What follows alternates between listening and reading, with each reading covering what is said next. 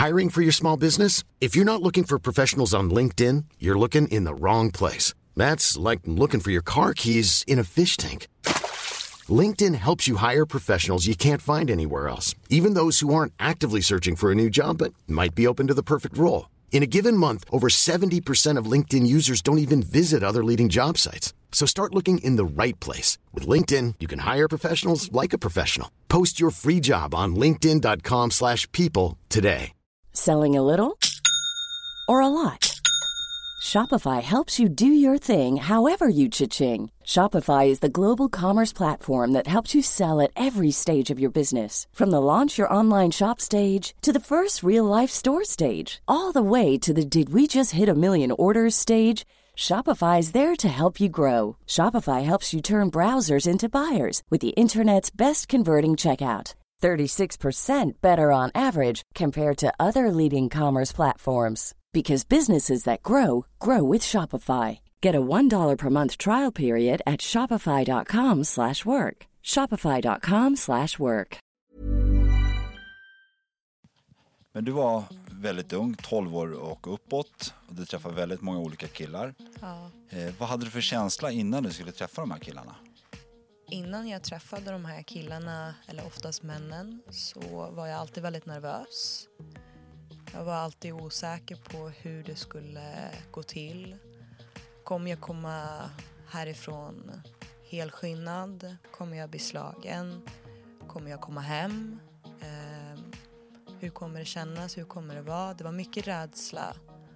Men eh, återigen så slog jag bara bort de här känslorna och eh, valde att inte känna och tänkte att det spelar ingen roll. Ni lyssnar på Brottsofferpodden med Joakim Lindén. I dagens avsnitt möter vi en tjej som väljer att vara anonym. Som 12-årig ung flicka blev hon våldtagen av en mycket äldre man. Det blev starten på ett sjuårig lång prostitution samt ett ännu längre missbruk. Vi får även höra hur socialmyndigheten väljer att blunda för prostitutionen och bara belysa hennes missbruk. Hon berättar om vändningen och hoppet om att hennes erfarenheter ska kunna hjälpa någon annan. Välkommen till Brottsofferpodden. Dagen det hände var jag 12 år gammal. Eh, jag hade träffat en äldre kille, 24 år gammal och eh, jag var sexuellt utnyttjad. Eh, efter den här händelsen så började jag pressa honom på pengar. Och eh, jag fick pengar av honom. Ganska snabbt så insåg jag att jag eh, kunde tjäna pengar på det här sättet. Och jag fortsatte att eh, tjäna pengar genom att bidra med sexuella tjänster. Jag var nästan 13 år första gången jag eh, började träffa andra män. Ofta mycket äldre, eh, runt 35-40 år ungefär. Och det kändes alltid fel. Det var liksom som att någonting inte stämde. Men jag kopplade liksom bort mig själv. Och därför kunde jag göra det. Hur menar du med att du kopplar bort dig själv? Det var som att jag lärde mig att skilja på vad som är min kropp och vad som är jag. Jag eh, hade någon slags övertygelse om att det är inte mig de har sex med utan det är bara min kropp. Jag är inte min kropp. Och det var väl så jag rättfärdigade det hela. Eh, även den materiella vinsten som jag fick efteråt kompenserade, som jag trodde, för den tomheten jag kände inom. Och det fortsätter. Och eh, sen så... Det som jag har märkt har haft störst betydelse det är ju att jag har inte alls lärt mig att sätta gränser. Jag eh, började ju att sälja sex när jag var väldigt ung. Jag var liksom 12 år gammal. Så när jag sen träffade andra män så hade jag ingen, inga gränser. Jag visste inte vad som var rätt, jag visste inte vad som var fel. Jag hade ju så länge gått emot vad som kändes fel och därav skapade jag inte någon känsla av vad som är rätt eller fel. Och eh, när jag var, jag var 14 eller 15 då, då blev jag våldtagen ännu en gång men jag såg det inte som våldtäkt. Jag såg det bara som någonting jag förtjänade. Och jag såg mig själv som en hora. Jag tänkte att jag var en hora. Det var det enda jag såg mig själv som. När du säger ordet hora, hur definierar du en hora då? Vad ansåg du var en hora? Då tänkte jag mest bara äcklig, eh, egentligen. Det var väl det jag tänkte. Och sen själva definitionen att jag tjänade pengar på att göra det jag gjorde. Men främst så som jag tänkte på det då, det var ju att jag bara var äcklig och ingenting värd egentligen. Och också det här med att säga nej, vem är jag att säga nej? Så jag gjorde egentligen bara som andra kände, som jag trodde var rätt. Men om man får backa bandet lite och Mm. om vi går tillbaka till den dagen du var 12. Vad hade du för tankar på den dagen? Liksom? Du skulle berätta nyligen att du skulle träffa en kille som var äldre. Vad hade du för tankar innan du träffade den här killen? Jag hade inte så mycket tankar. Jag tyckte det var lite häftigt att träffa honom. Han hade sagt att jag var fin. Det är väl det jag minns. Och eh, när jag väl kom hem till honom så minns jag att han bjöd mig på sprit. Det var väldigt, väldigt mycket vodka i. Det smakade nästan bara vodka. Han hade blandat vodka och apelsinjuice. Vad tänkte du då när du kände att det smakade? Blev du så glad att du var ändå ung, han var äldre? Kände du att det var häftigt eller vad hade du för tankar? Då kände jag att det var någonting som inte stämde. Men jag visste inte hur jag skulle ta mig ur situationen. Eh, och det kändes väldigt, väldigt fel. Men jag visste inte vad jag skulle göra. Jag var ju så ung.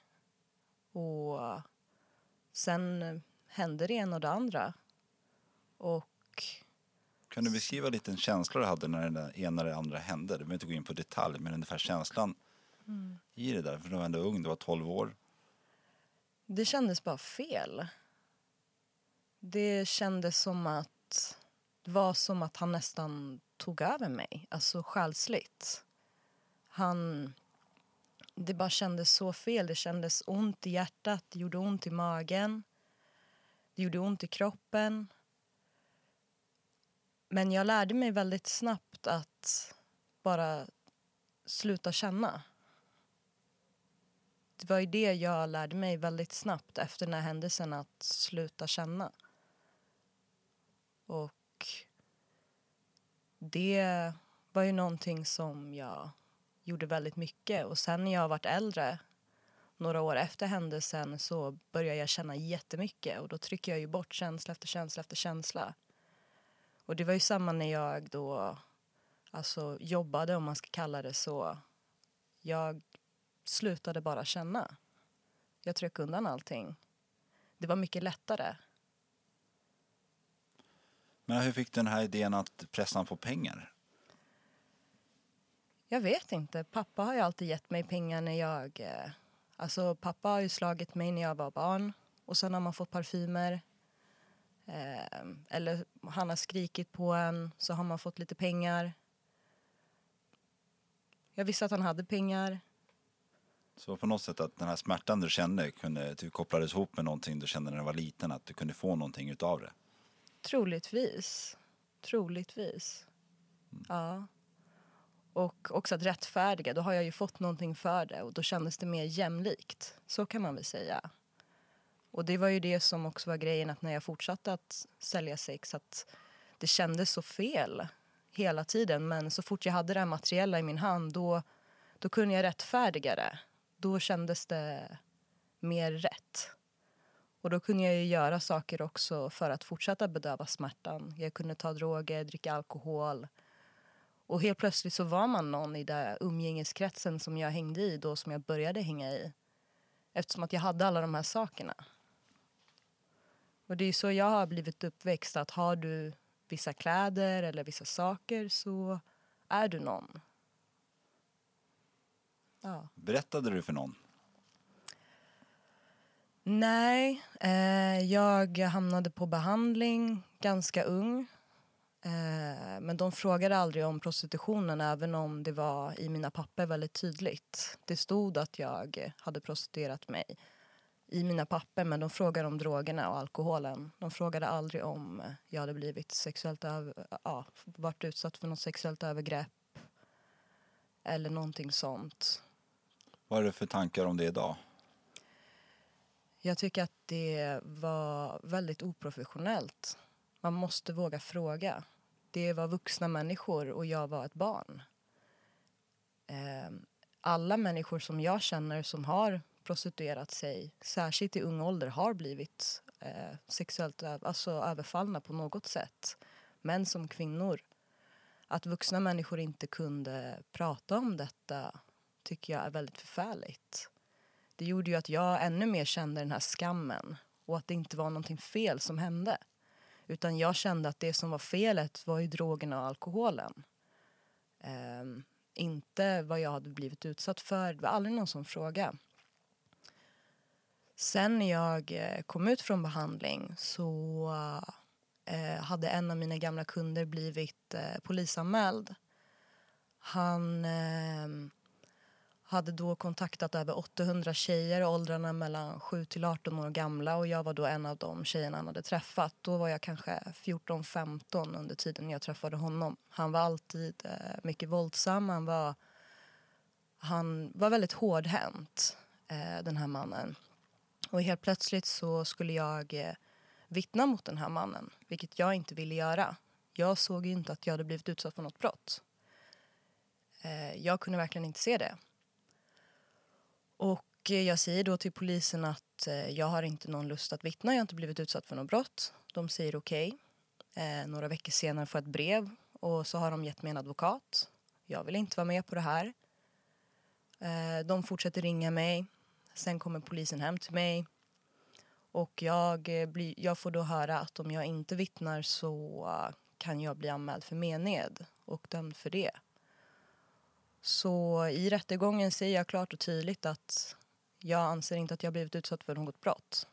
När han eh, vart frisläppt så läste ju jag igenom eh, vittnesmålen från rättegången och då fick jag en enorm skuldkänsla jag vet inte vad som är sant eller inte men i och med att jag själv minns att han var väldigt hårdhänt, man gick alltid ifrån med blåmärken och sådana saker så minns att jag mådde väldigt, väldigt dåligt när jag fick läsa de andra tjejernas historia.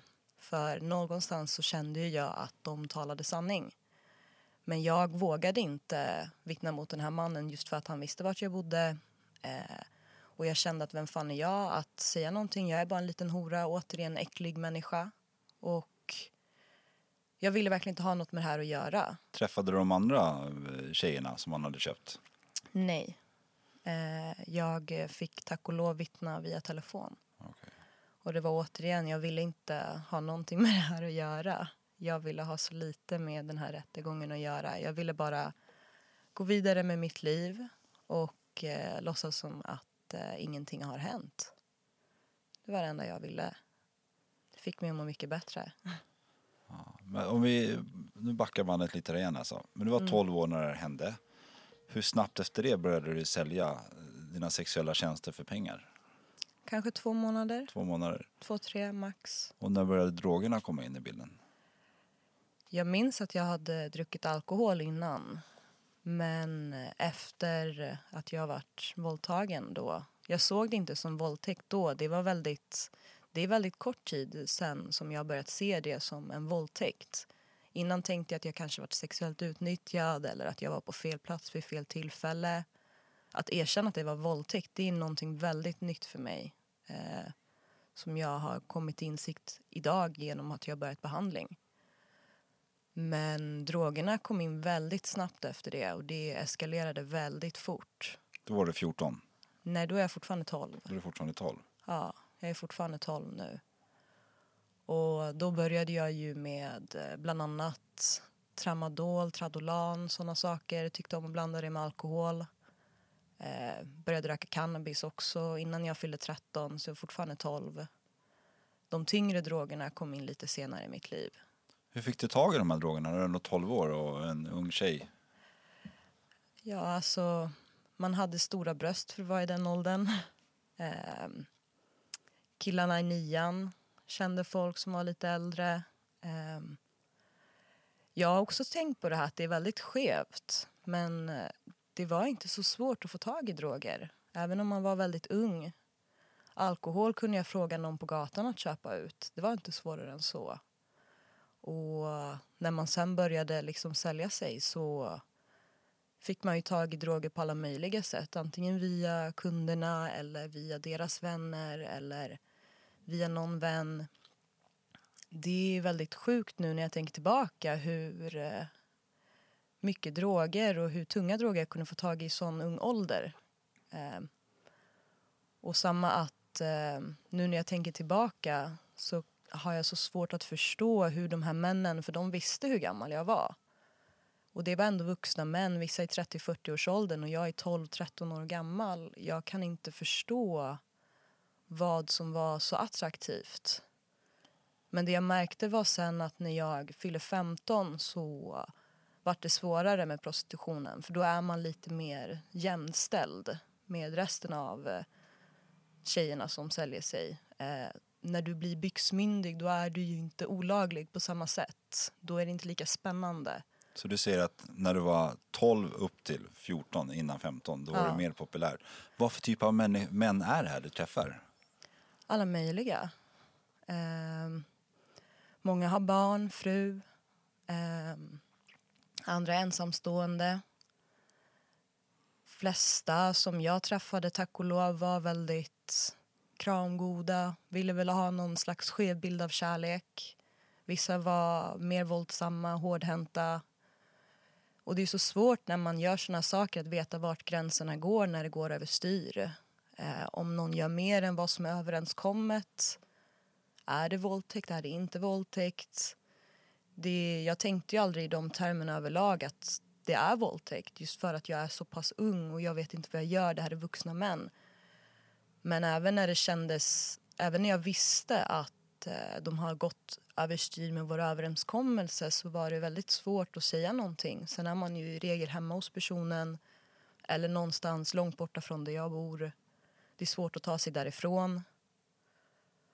Du ser överenskommelsen, ursäkta att jag avbryter nu men ser överenskommelsen, vad menar vi då? Kommer ni, har ni en överenskommelse innan ni börjar? Det här, och, det här är okej, det här är inte okej eller? Får jag fråga? Ja, alltså, ja men precis. Ä- Med överenskommelse så menar jag att man sätter ett pris. Det här får du för det här priset. Si och så länge kommer det att vara. Och det är det. Så du, du är mellan 12 och 15 år och du har överenskommelser. Ja. Det, alltså det här är en värld jag inte kan förstå, det låter väldigt invecklat. Ja, men hur får du tag på de här männen då? Internet. Internet? Det är superenkelt. Ehm, nu när jag ser tillbaka på det här så, är, så inser jag hur sjukt det är. Men det är inte alls svårt att få tag i män när du är i den åldern. Fick du hjälp av någon att starta den här, det låter sjukt när jag säger affärsverksamheten, men det var ju lite så det du drev. Nej, så där jag kommer ifrån, där jag bor, är det ganska många tjejer i min ålder som gör samma sak. Man har väl snappat upp något ord sådär. Eh, själv brukade jag vara inne på sidan snyggast.se. Jag vet inte om den finns fortfarande. Det är inte så svårt. Eh, och jag menar, förut så var det ju mycket mer gatuprostitution men idag är ju prostitutionen på internet. Det är där du hittar kunder och det finns en enormt stor marknad särskilt för unga tjejer. Eh, exakt vad de här människorna, ofta männen, ser det kan jag inte svara på hur de ser på situationen men det är inte svårt att eh, få tag i kunder överhuvudtaget. Och det är inte svårt att tjäna pengar. Så, ja. Du nämnde förut lite, när jag förstod att det var våldtäkt. Nej, alltså idag så går jag en tolvstegsbehandling och eh, när vi gick igenom mitt förflutna så berättar den människan som behandlar mig att det här är våldtäkt. Och då vart jag jättearg på den här människan när jag säger nej, det här är inte våldtäkt. Eh, det, är liksom, det här är jag som har ansvaret för det här, det är jag som står ansvarig för det som har hänt. Säg inte till mig att jag blivit våldtagen. Och jag var jättearg och faktiskt lämnade den här eh, kvinnan som hjälper mig. Eh, och sen gick jag hem och eh, funderade och personen bad mig att kolla på situationen objektivt. Och sa, tänk att det inte är dig det handlar om. Tänk att en 12-13-åring har sex med en 40-årig man. Kolla på det objektivt. Tänk inte att det handlar om dig. Och när jag såg på det objektivt så inser jag att det här är väldigt skevt. Men du var väldigt ung, 12 år och uppåt och du träffade väldigt många olika killar. Ja. Eh, vad hade du för känsla innan du skulle träffa de här killarna? Innan jag träffade de här killarna, eller oftast männen, så var jag alltid väldigt nervös. Jag var alltid osäker på hur det skulle gå till. Kommer jag komma härifrån helskinnad? Kommer jag bli slagen? Kommer jag komma hem? Eh, hur kommer det kännas? Hur kommer det vara? Det var mycket rädsla. Men eh, återigen så slog jag bara bort de här känslorna och eh, valde att inte känna och tänkte att det spelar ingen roll. Och även om det skulle hända någonting så tänkte jag att ja, det är väl i så fall det jag är värd. Men det var mycket rädsla eh, stunden innan man skulle träffa människan.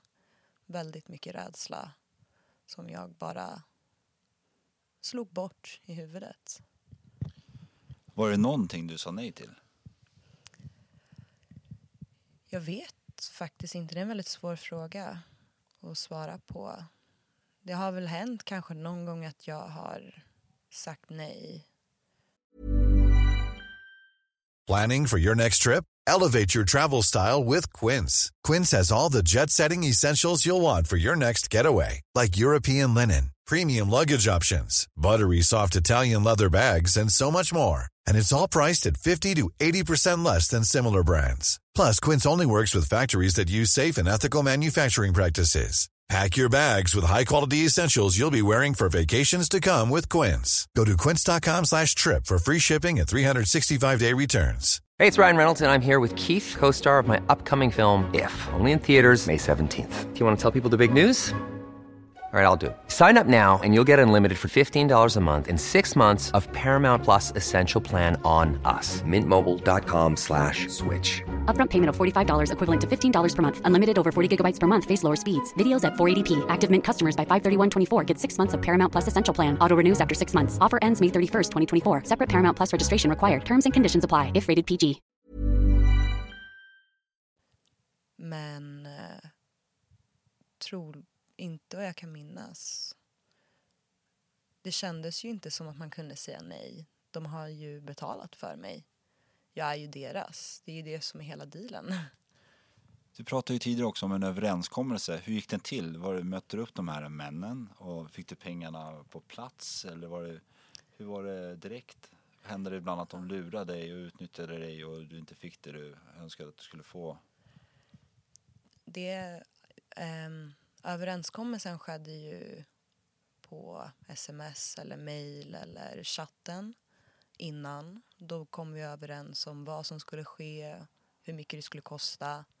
Jag tog pengarna innan, alltid. Um, och uh, det har hänt att kunder har gått överstyr men jag har alltid fått mina pengar. Uh, förutom den gången då jag vart uh, eh, knivhotad. Men var det så att det oftast var typ i, i dina sinnesfulla bruk när du träffade de här männen för att sen få pengar till droger för att kunna ta och försvinna? Ja, väldigt ofta. Jag var ofta hög i skolan, jag var hög på när jag började jobba. Jag var faktiskt hög hela tiden, väldigt tidig ålder. Sen jag vart äldre och eh, slutade prostituera mig, då minskade drogerna avsevärt. Men som mest aktiv i drogmissbruk och prostitution, då var jag 12 till 19 år gammal. Sen när jag var 19 så det som fick mig att eh, sluta eh, prostituera mig, det var ju att eh, jag var knivhotad av en kund. Ehm, och då insåg jag att eh, troligtvis så började jag också tänka på mitt eget värde. Jag började ta varningarna som jag länge hade fått. Jag hade blivit slagen, jag hade ja, blivit väldigt hårdhänt behandlat många gånger men när jag var knivhotad så och överlevde utan att bli särskilt skadad eller sådär, utan att bli huggen så valde jag att inte göra om det igen. Eh, då tror jag att jag började inse allvaret i situationen och jag insåg att jag hade kunnat varit död eh, nu. Vad gjorde du då? då? Du sa att du inte gjorde om det. Det måste ha varit en ganska lång... Du hade hållit på det här mellan 12 till 19 år. Ja. Och helt plötsligt försvann en stor del. Vad, hur, hur tog du ur det? Jag gick ju alltid i skolan och sådär. Eh, Även om jag prostituerade mig, tog väldigt mycket droger så skötte jag alltid skolan bra. Jag hade andra jobb, eller från att jag varit 17 så har jag också arbetat. Så jag har ju levt ett dubbelliv i hög grad. um, så när jag var 19 sen och slutade prostituera mig så fortsatte jag bara att jobba och låtsades som att ingenting hade hänt egentligen. Jag eh, kontaktade kvinnojouren en gång för jag ville söka hjälp. Och jag berättade att jag hade varit prostituerad i sju år och de säger till mig att eh, det här är en linje där kvinnor kan ringa som har blivit våldtagna eller eh, sexuellt utnyttjade. Men att det finns en prostitutionsenhet som jag kan ringa. Och efter det så valde jag att inte söka hjälp för sådana här saker. Vad kände du då? Idag kan jag känna att det är väldigt konstigt att den här människan eh, direkt utgår ifrån saker och ting utan att fråga. Jag tror att man måste våga fråga människor om saker och ting som kanske känns jobbiga att fråga om. Ja, men du höll på med prostitution mellan 12 till 19 år. Bestämde dig för slut efter den här eh, knivhotningen som måste varit väldigt hemsk. Eh, men du säger även att du går en tolvstegsbehandling idag. Som Idag, är, ja. idag gör det, som är mot droger och sånt. Men hur kommer det sig att du börjar söka hjälp för det och inte prostitutionen? Nej, men anledningen till att jag sökte hjälp för drogerna och inte för prostitutionen det är väl troligtvis för att jag inte har känt att jag har blivit utsatt för något brott. För det första, jag har känt att det är jag som står ansvarig för det här. Och eh, sen har jag nog undermedvetet Idag kan jag ju se att jag har ju knarkat bort de här känslorna. Jag har supit bort de här känslorna. Eh, men eh, mot slutet så var det ju bara att jag behövde sluta med droger. Eh, just för att jag har ett nytt liv idag. Jag pluggar på universitet, jag jobbar. Det går väldigt bra för mig i allmänhet. Men nu när jag har lagt av med drogerna sedan en tid tillbaka så kan ju jag allt mer se vart mitt grundproblem är. Anser du själv att vara ett brottsoffer? Idag kan jag se det så. Då såg jag mig absolut inte som ett brottsoffer utan jag såg mig som en äcklig, värdelös människa som inte förtjänade någonting. Även när jag har blivit neddrogad, våldtagen av ibland fler än en kille eller man så har ju jag tänkt att då var det mitt fel för att jag knarkade eller jag umgicks med dem eller jag var... Jag får skylla mig själv. Så har jag tänkt eh, hela mitt liv. Idag kan jag se att jag har blivit våldtagen. Idag kan jag se att jag har blivit utnyttjad. Om vi, om vi skulle leka med tanken att du ställdes framför den här personen som du träffade när du var 12 år, så gjorde det där mot dig. Vad skulle du vilja säga till honom då? Det är roligt att du frågar mig frågan vad jag skulle ha gjort om jag träffade på den här människan. Eh, därför att nu kan jag faktiskt omformulera ett svar en- på frågan som du ställde innan. Vad var det som fick mig att söka hjälp för drogerna? Eh, nu när jag tänker efter, det som fick mig att söka hjälp för drogerna det var faktiskt att jag träffade på den här mannen eh, när jag var helt slagen. Eh, jag eh, hade varit och simmat och helt plötsligt så står den här mannen utanför simhallen och jag eh, började skaka helt okontrollerat. Hade du Eh. träffat han någon gång sen du var 12 då? Nej. Ingenting? Inte, Inte sett, inte alls. hört, ingenting? Jag kan ha sett han på tåget någon gång när jag var väldigt hög. Men eh, här var jag nykter för den dagen. Och jag träffade på honom och hela min kropp började skaka. Jag kan inte kontrollera någonting. Sen två dagar senare så träffade jag på den här mannen på mitt jobb. Jag jobbade i en restaurang och han sitter i baren. Så han är den första jag ser när jag kommer ut från jobbet. Vad tänker du då? Jag eh, hamnade i ett tillstånd där jag tappade verkligheten. Jag... Eh, det var nästan som att jag hamnade i en psykos. Det var så svårt att förklara. Jag, jag började skaka i hela kroppen. Och jag kunde inte sluta skaka. Jag bara fortsatte skaka och skaka och skaka och jag, jag tappar all kontakt med vad som är här och nu. All verklighetsuppfattning bara försvinner. Hur gammal är du då? Nu är jag 24. Och du var, du var 24 när du stötte på honom. Precis. Precis. Ser han 12 dig? år senare. Han ser mig. Känner han igen dig? Han lämnade restaurangen så jag antar att han eh, kände igen mig. Ehm, ja, jag antar det. Och eh, sedan dess har jag faktiskt börjat stöta på många andra kunder och de vänder ryggen. De, eh, det är konstigt för de går åt ett håll, ser mig, sen går de åt ett annat. Så antagligen så känner dessa människor igen mig. Även om jag eh, såg väldigt annorlunda ut och var väldigt ung så är det ju väldigt märkligt att de vänder ryggen när de ser mig. Men du säger att när du mötte, upp, mötte på den här killen utanför simhallen så var det någonting som hände i det. Var det lite det som fick dig att börja söka hjälp också? Ja, jo, verkligen. Vad var, det som, vad var det för tankar du hade då som fick dig att helt plötsligt bara... Vill du förklara lite mer om det går? Det som fick mig att söka hjälp det var väl att jag kunde inte kontrollera mina känslor allt. Jag exploderade och jag hade väl... Jag fick någon tanke att jag är fortfarande Amanda 12 år. Eh, där fastnade det för mig att jag har knarkat och supit och sålt mig och låtit människor trampa på mig ända sedan dess. När jag såg honom så insåg jag verkligen att jag har låtit människor behandla mig precis som de vill ända sedan det hände med honom. Det var som att en polett föll.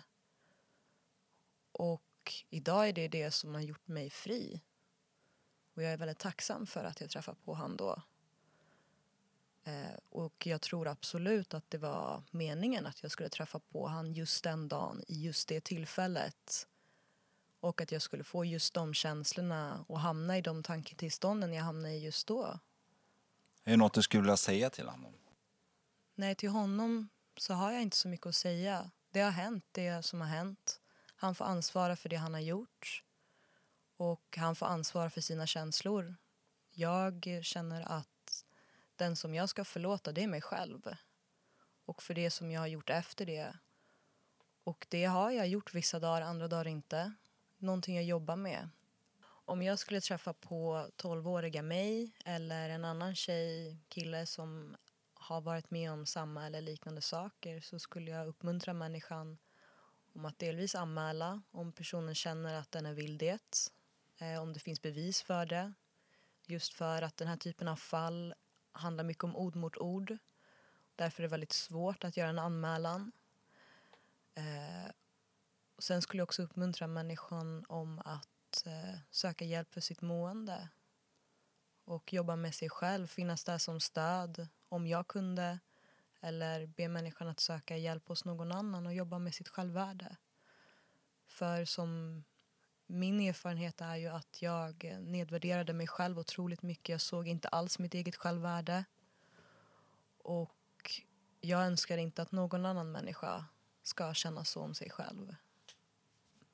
Eh, du, du nämner lite här att du skulle vilja säga till den här personen att eh, om det finns bevis för det så ska du göra en anmälan. Liksom, men ska man inte behöva kunna anmäla i alla fall?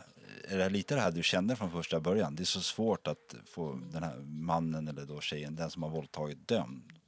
Kände du lite, det så det är ingen idé att anmäla? Eh, Det har du faktiskt väldigt rätt i. Det är klart att man alltid ska kunna anmäla. Ehm, det har du rätt i. Jag tänkte inte ens på hur jag sa det där. Eh, Men för att svara på din fråga om anmälan. Det är väldigt svårt att anmäla den här typen av fall. Sexuella övergrepp, våldtäkter. Därför att det är ofta ord mot ord. Du är 24 år idag Ja. och det här pågick i sju år. Så nästan en tredjedel av ditt liv. Hur stor del av ditt liv idag är de här ah, sju åren? Del inom dig liksom? Oj, där var en väldigt bra fråga. Jag jobbar ju varje dag med de ärr jag har fått på insidan efter det här.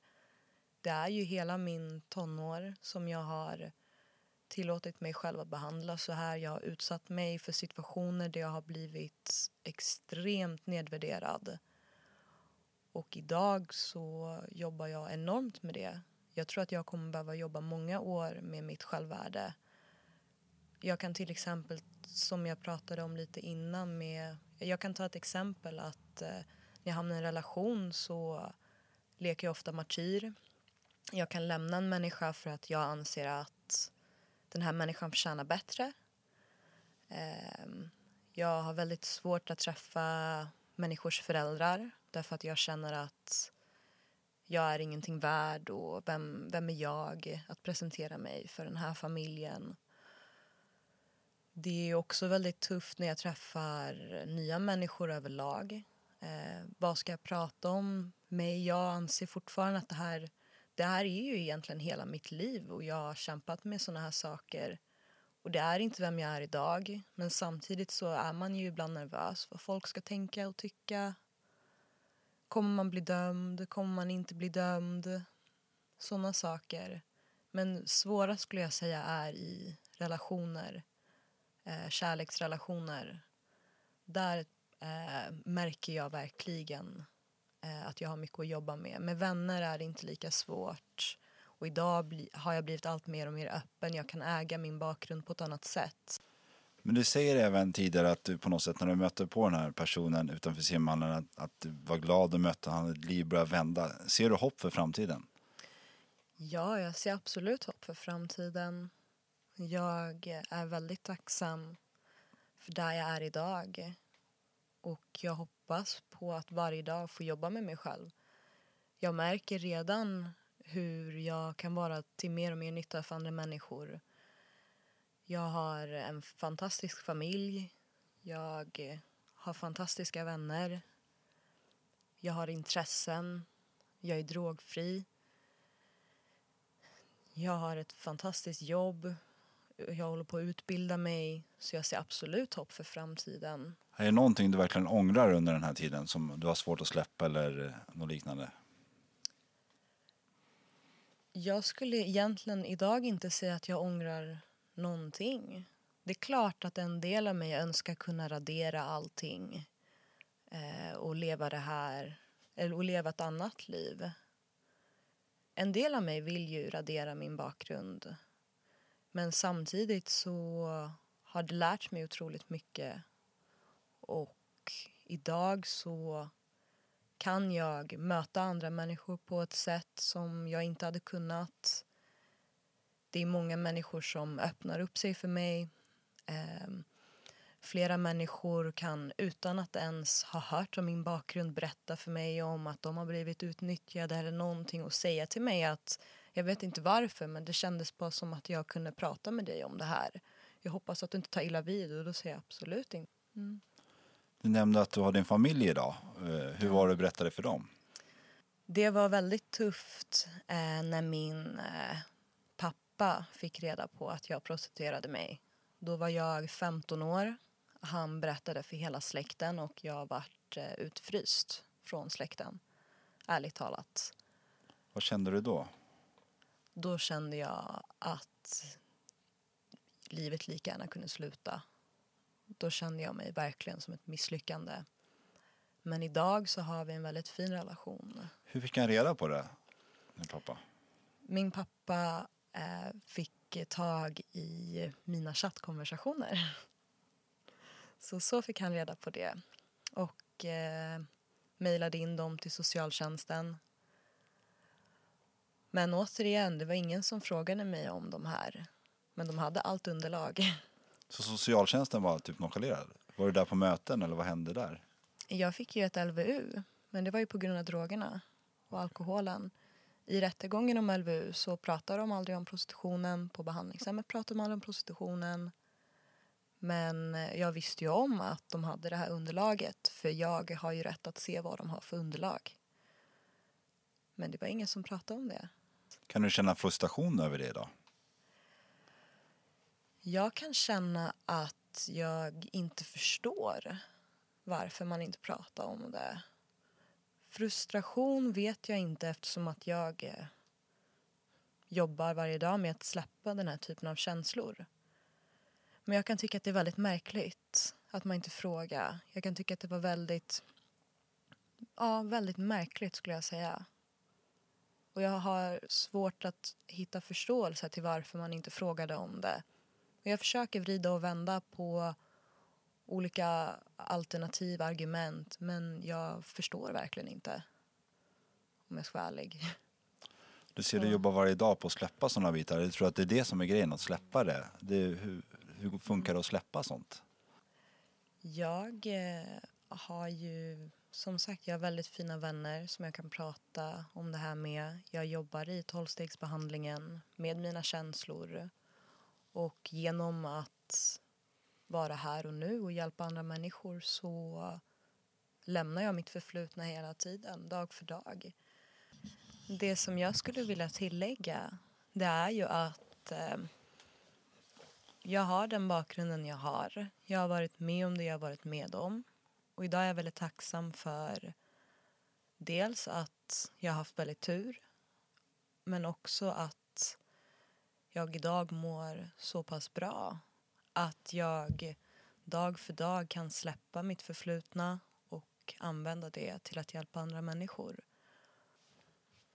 Det låter lite som att idag äger du din historia och din historia äger inte dig. Kan det stämma? Jag skulle säga så. Därför att idag så lever jag för idag. Jag, eh, som sagt, eh, ibland så tänker jag ju bak. Ibland så händer det att jag hamnar i tillstånd, känslomässiga tillstånd där jag slår på mig själv. Men i det stora hela så tillåter jag inte detta att ske. Därför att idag så är jag en helt annan människa och idag så kan jag se på min historia på ett helt annat sätt. Och det är för att jag har jobbat med mig själv tillsammans med andra människor. Har du någon förhoppning om att kunna jobba med det här i framtiden? Absolut.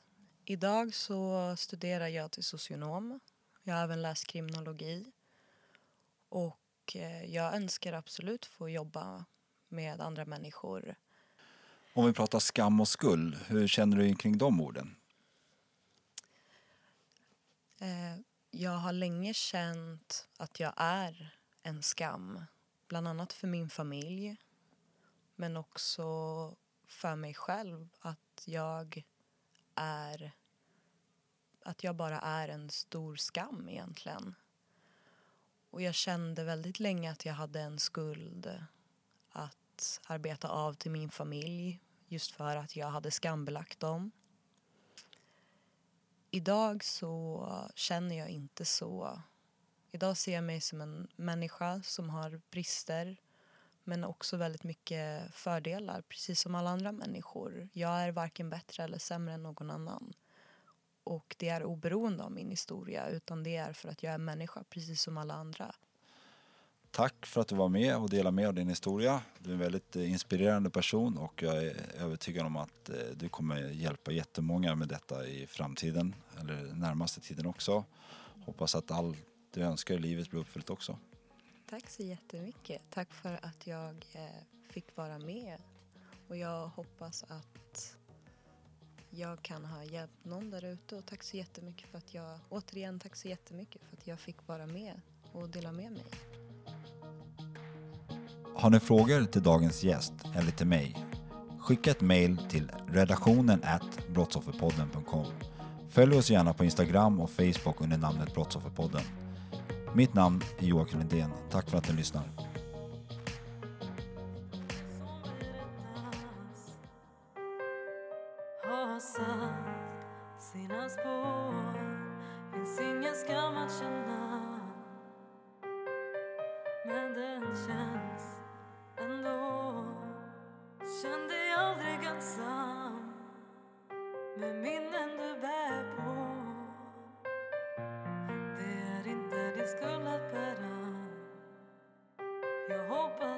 Förstår För skulden ligger hos den som begår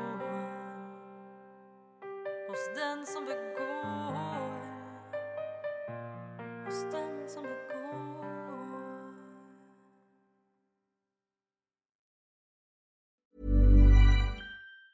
Hi, I'm Daniel, founder of Pretty Litter. Did you know cats tend to hide symptoms of sickness and pain? I learned this the hard way after losing my cat, Gingy. So I created Pretty Litter, a health monitoring litter that helps detect early signs of illness by changing colors, saving you money and potentially your cat's life. Pretty Litter is veterinarian developed, and it's the easiest way to keep tabs on your fur baby's health right at home. Go to prettylitter.com and use code ACAST for 20% off your first order and a free cat toy. Terms and conditions apply. See site for details.